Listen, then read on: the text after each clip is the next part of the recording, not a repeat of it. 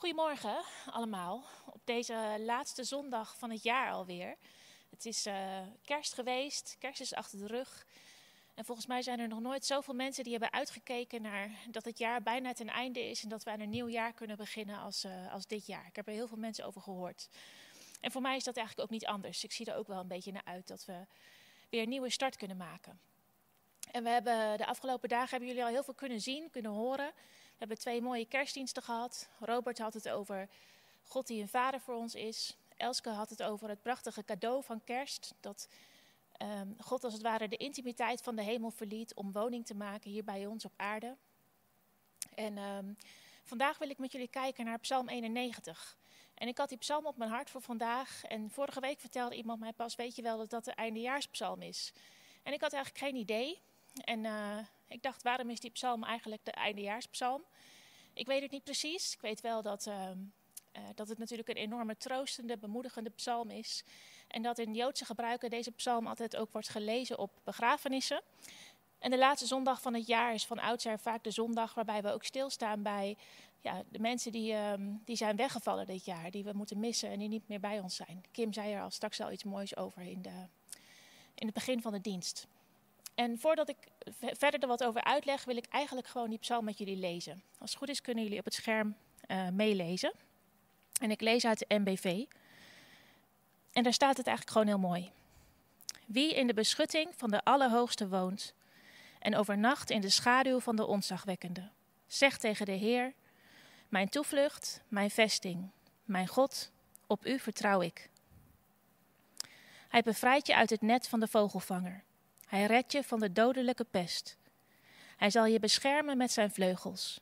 En onder zijn wieken vind je een toevlucht. Zijn trouw is een veilig schild.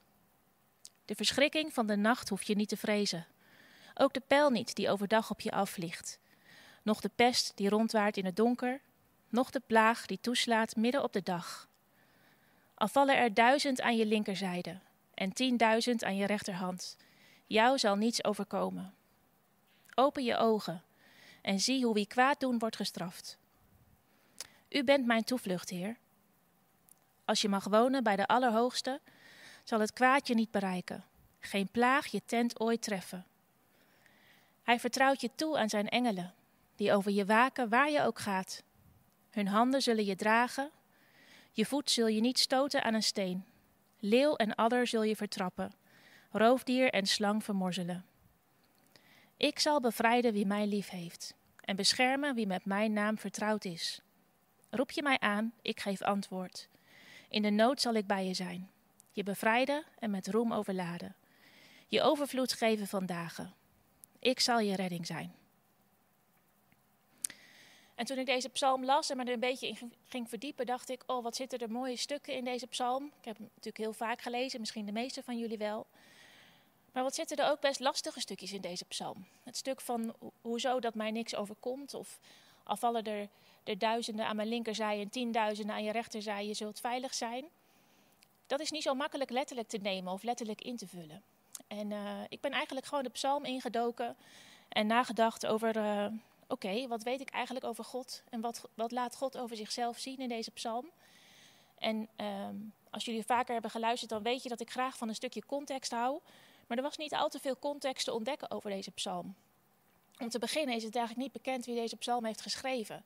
En er gaan twee verhalen over de ronde. Uh, er is een heel groot deel van de mensen die denkt dat Mozes deze psalm heeft geschreven, omdat een eerdere psalm uh, ook zijn naam boven staat. En er zijn een aantal mensen die zeggen, ja, David heeft deze psalm geschreven.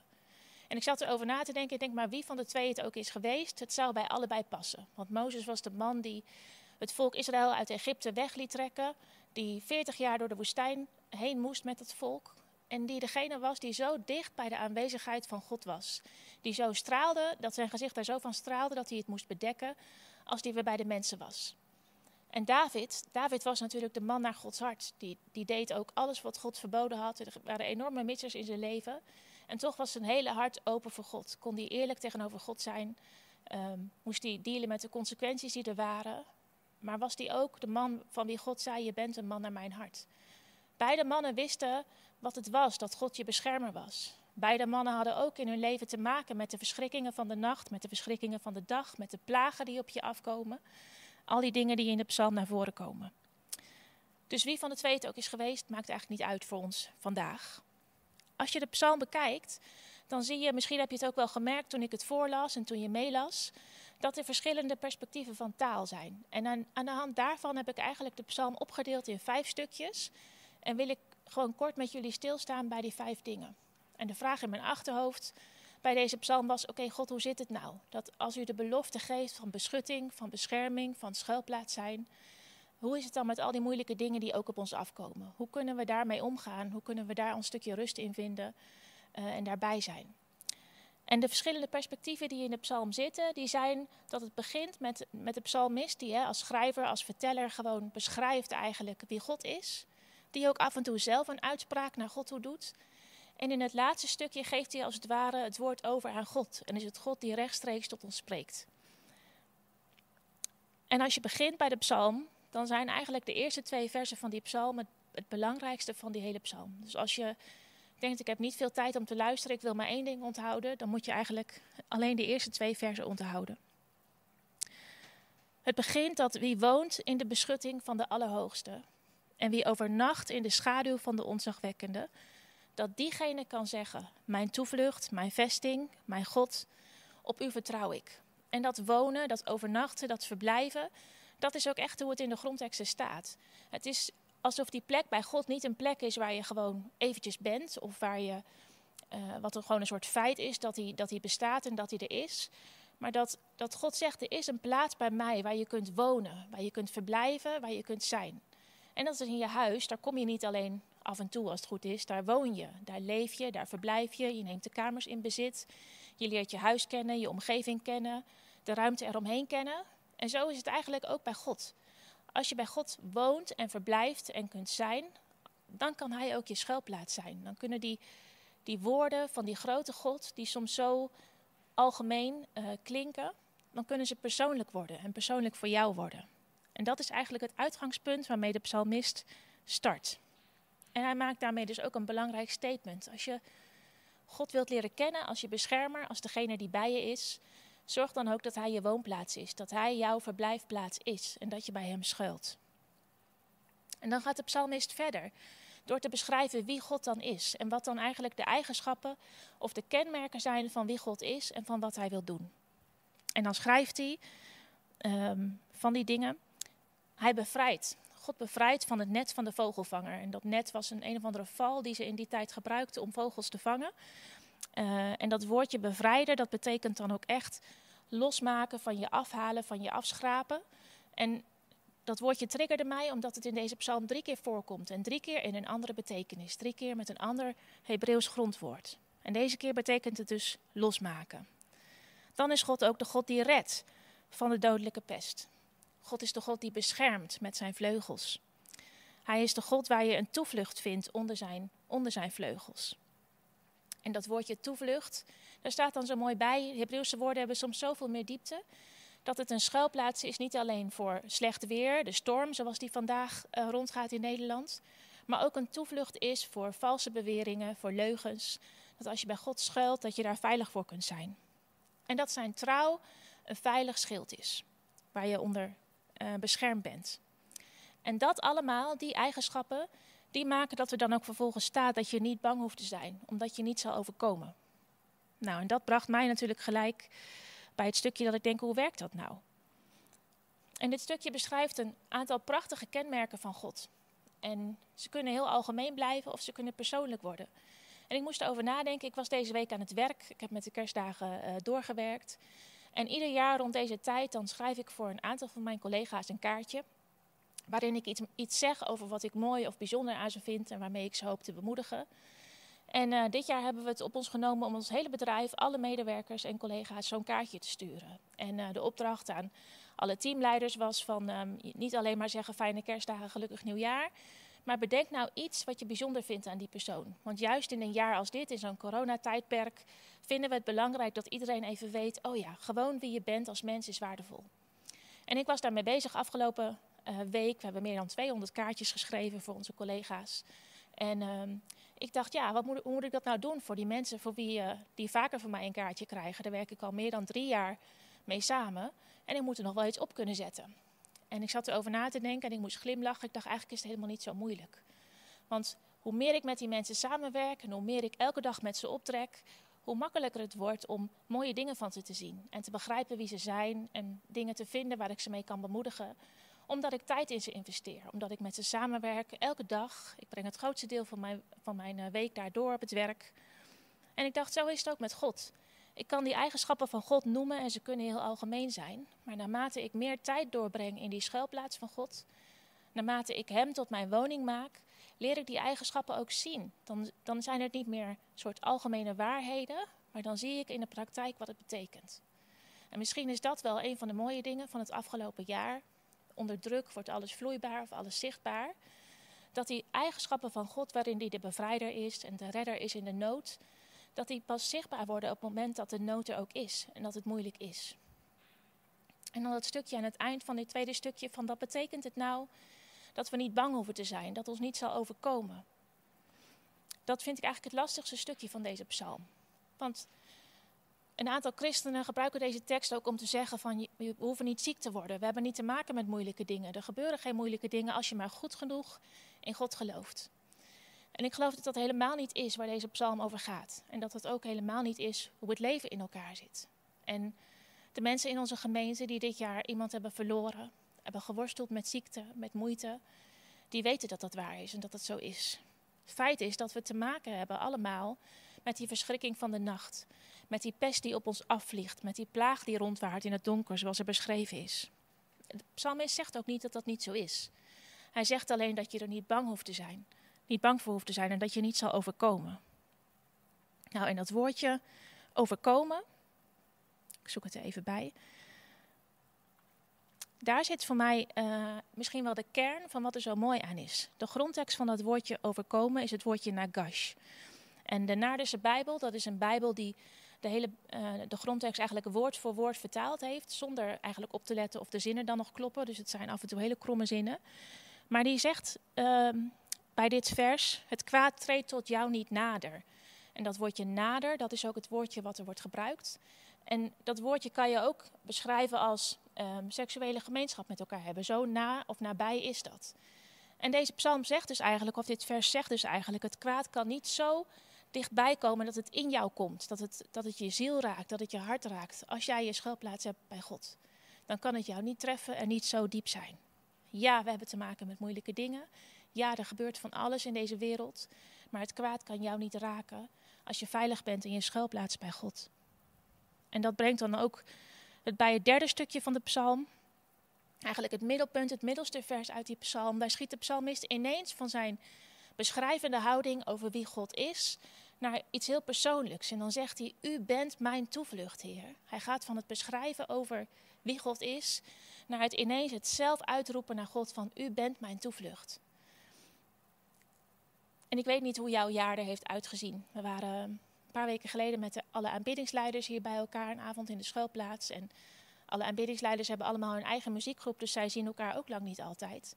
Dus we deden even een rondje van hoe is het met iedereen en hoe heeft je jaar eruit gezien. En dan hoor je van iedereen, we werkten allemaal in een andere sector. We hadden allemaal te maken met, andere, met een andere actualiteit. En iedereen heeft te maken gehad met vervelende dingen. Rondom het coronavirus, rondom andere zaken. Het was gewoon een pittig jaar voor een aantal mensen. En we zijn daar allemaal met een, op een andere manier mee omgegaan. Dus waar jij ook bent, hoe je leven er ook uitziet, deze tijd heeft een impact op ons allemaal. En op mij ook. En ik ben de afgelopen weken heel hard aan het werk geweest met een groot project op het werk. Nou, daar, eh, als ik in een project schiet, dan ben ik daar, kan ik daar me, daar helemaal in verliezen.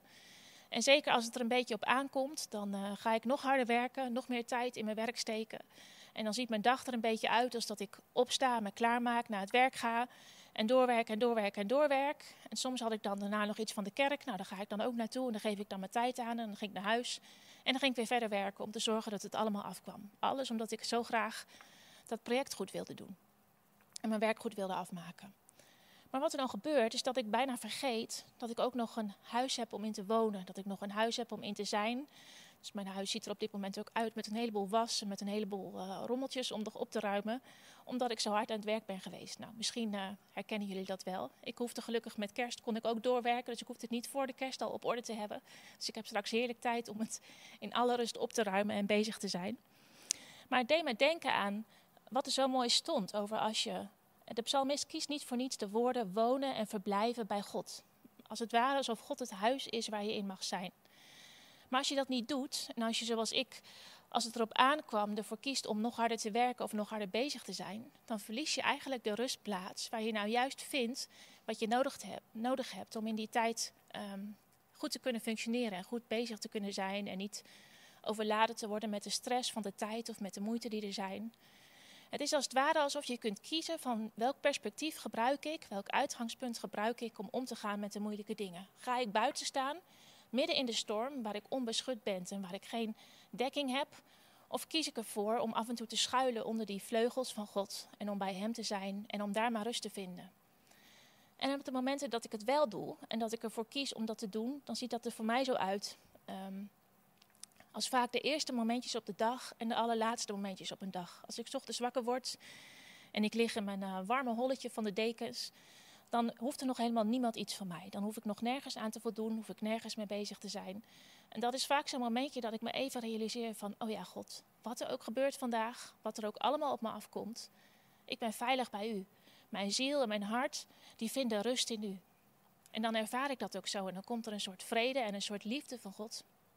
Niet altijd, maar heel vaak ook wel. En als ik daar de dag mee inga, dan ziet mijn dag er heel anders uit. Dan kan het soms zomaar gebeuren dat ik ineens aan een klein detail denk, wat heel belangrijk blijkt te zijn, of dat ik even iemand bel en daar net de sleutel vind voor waar mijn project mee bezig moet zijn of waar ik mee aan de slag moet. En soms is het een gewone dag. En aan het eind van de dag sluit ik hem dan ook weer het liefst zo af als ik in mijn bed lig, nog net voordat je in slaap valt. Gewoon even bij God zijn.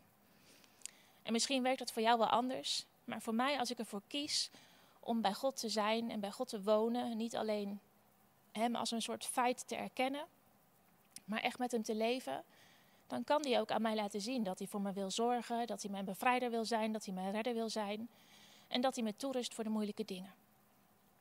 Dan kan ik ook zeggen, God, U bent mijn toevlucht, net zoals de psalmist dat doet. En dan gaan we naar het vierde stukje. En dat is eigenlijk het stukje waarin de psalmist weer um, weer teruggaat naar de beschrijvende vorm, waarin hij verder gaat vertellen over wie God nou eigenlijk is. Maar hierbij gaat hij niet meer alleen maar vertellen dat God degene is die beschermt en die een toevlucht is. Want misschien luister je wel en denk je, ja, mooi dat God een schuilplaats is en een toevlucht en een beschermer, maar je moet toch ook af en toe gewoon in actie komen en dingen zelf doen. En er is misschien wel een uh, veel gevat misverstand dat God alleen maar de God is die je aait en die voor je zorgt en die lief voor je is en waarbij je helemaal niks hoeft, niks hoeft te doen en dat alles vanzelf zou gaan. Zo is God ook niet. En uh, dit stukje dat zegt op een gegeven moment ook dat God zijn engelen gebiedt om over je te waken, zodat je je voet niet zult stoten aan een steen. Maar de zin daarop staat dat je op leeuw en adder zult trappen en zult uitgaan. Dus dat betekent dat je de tegenstand gewoon tegenkomt. Dat het niet zo is dat je daar helemaal los van bent, dat je niet zal overkomen, maar dat je er gewoon mee in aanraking komt op de plek waar je bent. Maar met dat verschil dat God je de kracht geeft om er doorheen te gaan, om ermee om te gaan, vanuit die rust, vanuit zijn bescherming. En dat je in plaats van bang te zijn voor de leeuw en voor de adder, gewoon bovenop ze zult staan en uh, ja, ze zult vermorzelen. Het is dus niet alleen een verdediging, maar het is alsof God het ware een aanvalsmechanisme geeft. En dan het laatste stukje. Daar komt eigenlijk het mooiste stukje van de psalm terug, wat mij betreft. Daarin gaat God zelf aan het woord.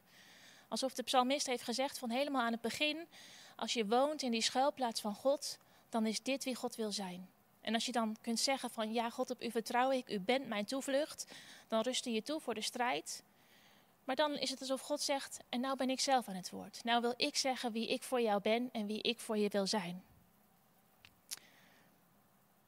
En dan zegt God, ik zal bevrijden wie mij lief heeft.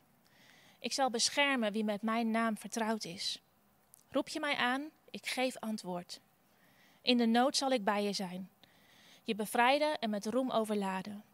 Je overvloed geven van dagen. Ik zal je redding zijn. En ook hier vind je weer extra diepte als je de grondtekst induikt en kijkt naar wat die woorden betekenen. Wie mij lief heeft. Soms vind ik dat lastig. Denk, hoe weet ik nou of ik echt van God hou? of het echt goed genoeg is, of ik van de mensen om me heen hou. En dan helpt het mij als ik gewoon even heel simpel kijk naar, oh ja, wat betekent dat nou? Het woordje liefhebben betekent hier verbinden aan, aankleven, verlangen naar, verlangen naar God. Dat gaat weer over dat stukje één worden. Als je dat doet, dan wil God ook alles voor jou doen. Hij heeft alles voor je gedaan. En hij wil gewoon antwoord geven als jij roept. En ook, dat is ook zo mooi, het woordje antwoord geven. Daarin staat, kijk waar had ik het geschreven. Uh, het woordje antwoord geven, dat staat voor horen, getuigen, spreken, zingen, het uitroepen. Allemaal dingen die God kan doen om te laten zien aan jou dat hij er voor je is. God wil antwoord geven. God wil laten zien aan jou dat hij er echt is. Dat hij niet een algemeen feit is of een kosmische energie of iets anders, maar dat hij gewoon God is. En dan komt er ook nog die andere twee keer dat woordje bevrijden terug, die ik ook al noemde aan het begin van de psalm. toen ging het over dat losmaken van de strik van de vogelvanger, waarin bevrijden ook echt betekent iets van je afhalen, iets losmaken. En nu gaat het over twee andere dingen. De eerste keer is dat hij zal bevrijden, dat hij zegt: Ik zal bevrijden wie mij lief heeft. En bevrijden betekent daar gewoon heel letterlijk ontsnappen, redden en in veiligheid brengen. Voor ons de bekendste betekenis ervan. Maar dan de laatste keer staat er: Ik zal je bevrijden en met roem overladen. En dat is een ander woordje, het woordje galat, als ik het goed uitspreek. En dat woordje betekent toerusten, sterk maken voor de strijd, equiperen.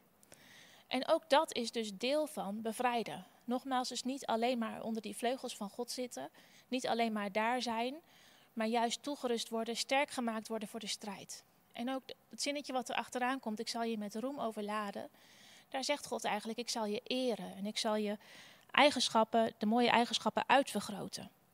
Welke dingen zou hij dan uitlichten als hij dat voor jou doet? Dat zijn natuurlijk de dingen die jou maken tot wie je bent. De unieke dingen die hij aan je heeft gegeven en waar je blij mee mag zijn. Terug dan naar de start. Hoe doe je dat nou? En hoe, doe je nou recht aan wie God is en tegelijkertijd omgaan met de moeilijke dingen? Wat zeggen we nou tegen de mensen die Kim ook al aansprak aan het begin? Tegen onszelf, die ook hebben geworsteld met dit jaar. Tegen de mensen die iemand verloren zijn. Tegen de mensen die worstelen met de uitdagingen om hun bedrijf door deze coronatijd heen te loodsen of andere dingen te doen. Tegen de mensen die op zoek zijn naar perspectief voor het nieuwe jaar en niets liever willen dan dit jaar af te sluiten. Zeg ik dan gewoon, je moet gewoon geloven in God en dan komt het allemaal wel goed. Dat zou iets te kortzichtig zijn. Als je de Bijbel doorleest en het Oude Testament doorleest, dan zie je dat God allerlei richtlijnen en principes geeft. En wat ik zo mooi vind in, ehm, even los van de vraag of wat er nog wel en niet geldt voor deze tijd enzovoorts, daar gaat het me even helemaal niet om. Maar dat God principes geeft over, uh, aan zijn volk, over hoe ze bijvoorbeeld moesten rouwen. Als er verdriet was, was er een heel een tijd voorgeschreven waarin je dat mocht doen, hoe je die tijd kon doorbrengen. En net zo goed had God een aantal feesten aangewezen, omdat hij het belangrijk vond dat er tijden waren in het jaar waarin je gewoon feest moest vieren en even los moest gaan en uh, even mocht genieten, inclusief een goed glas wijn. God bekommert zich om alle aspecten van het leven. En hij maakt je klaar en hij maakt je sterk voor de strijd en sterk voor het leven om het leven aan te gaan als je in zijn schuilplaats woont. En die echte sleutel van de psalm, ik zei het al, die zit wat mij betreft in die eerste twee versen. En tijdens de eerste kerstdag had Elske het er zo mooi over dat God uh, met kerst ervoor koos om de intimiteit van de hemel los te laten. En zijn woning te maken hier op de aarde bij ons, om ons op te zoeken. En dat sluit zo aan bij de hele rode draad van de Bijbel, waarin je een God ziet die ons heeft gemaakt als mensen en die niets anders doet dan op zoek zijn naar ons en in relatie willen zijn met ons. Dat is het verhaal van kerst. Dat is waarom Jezus kwam naar deze aarde. Hij verliet de hemel om op aarde te, geboren te worden als een klein babytje in een kribbe. Om 33 jaar later te sterven aan een kruis op Golgotha. En alle zonde, alle verdriet, alle pijn, alle moeite te dragen. En de dood te overwinnen. Allemaal zodat hij bij jou kon zijn. Zodat hij woning kon maken in jouw hart. En dat is waar Elske het over had. Dat dat het geschenk is van kerst. En dat je wel moet leren om dat geschenk zelf uit te pakken. Maar ik geloof dat de uitnodiging van Psalm 91, los van dat het gewoon een hele mooie, bemoedigende, troostende psalm is voor ons allemaal om het jaar mee af te sluiten, dat de uitnodiging van deze psalm is: wil jij je woning maken bij God? God heeft alles gegeven om zijn woning te kunnen maken bij jou. En nu vraagt hij maar: wil jij je woning maken bij mij? Wil je misschien wel je onafhankelijkheid, je alles zelf willen doen, je hard werken, even aan de kant leggen en een duik nemen onder zijn vleugels om gewoon bij hem te zijn. Niet zodat je dan nooit meer iets hoeft te doen, maar zodat je samen met Hem de dingen kan doen. Zodat Hij je die rust, die vrede, die liefde kan geven die we allemaal nodig hebben. Want we zijn niet gemaakt om het leven alleen te leven. Zijn het gemaakt om samen met anderen te doen, maar ook zeker samen met God. Zo heeft Hij het bedoeld. Wil je dat doen? Wil jij je woning maken bij God? Los van dat Hij al alles heeft gegeven om zijn woning te kunnen maken bij jou. Ik denk dat dat de uitnodiging is van deze psalm. En die wil ik gewoon graag bij je neerleggen. Misschien wil je daar eens over nadenken of je dat wil. En uh, het lijkt me mooi om het jaar mee af te sluiten. Om te weten dat die God er is, die je beschermer is, die almachtige God, die de hemel en de aarde maakte en alles gaf voor jou. Bij wie je tot rust mag komen, bij wie je mag gaan. En dat die God zegt, ik wil jou tot woning zijn. Je mag gewoon bij mij zijn en met mij het jaar doorgaan. Het is niet alleen mooi om het jaar mee af te sluiten, maar ook om straks het nieuwe jaar mee in te gaan. En daar wil ik jullie gewoon mee zegenen. Ik wens jullie een ontzettend fijne jaarwisseling alvast en een heel goed en gezegend nieuwjaar. En ik zie jullie heel graag in het nieuwe jaar weer.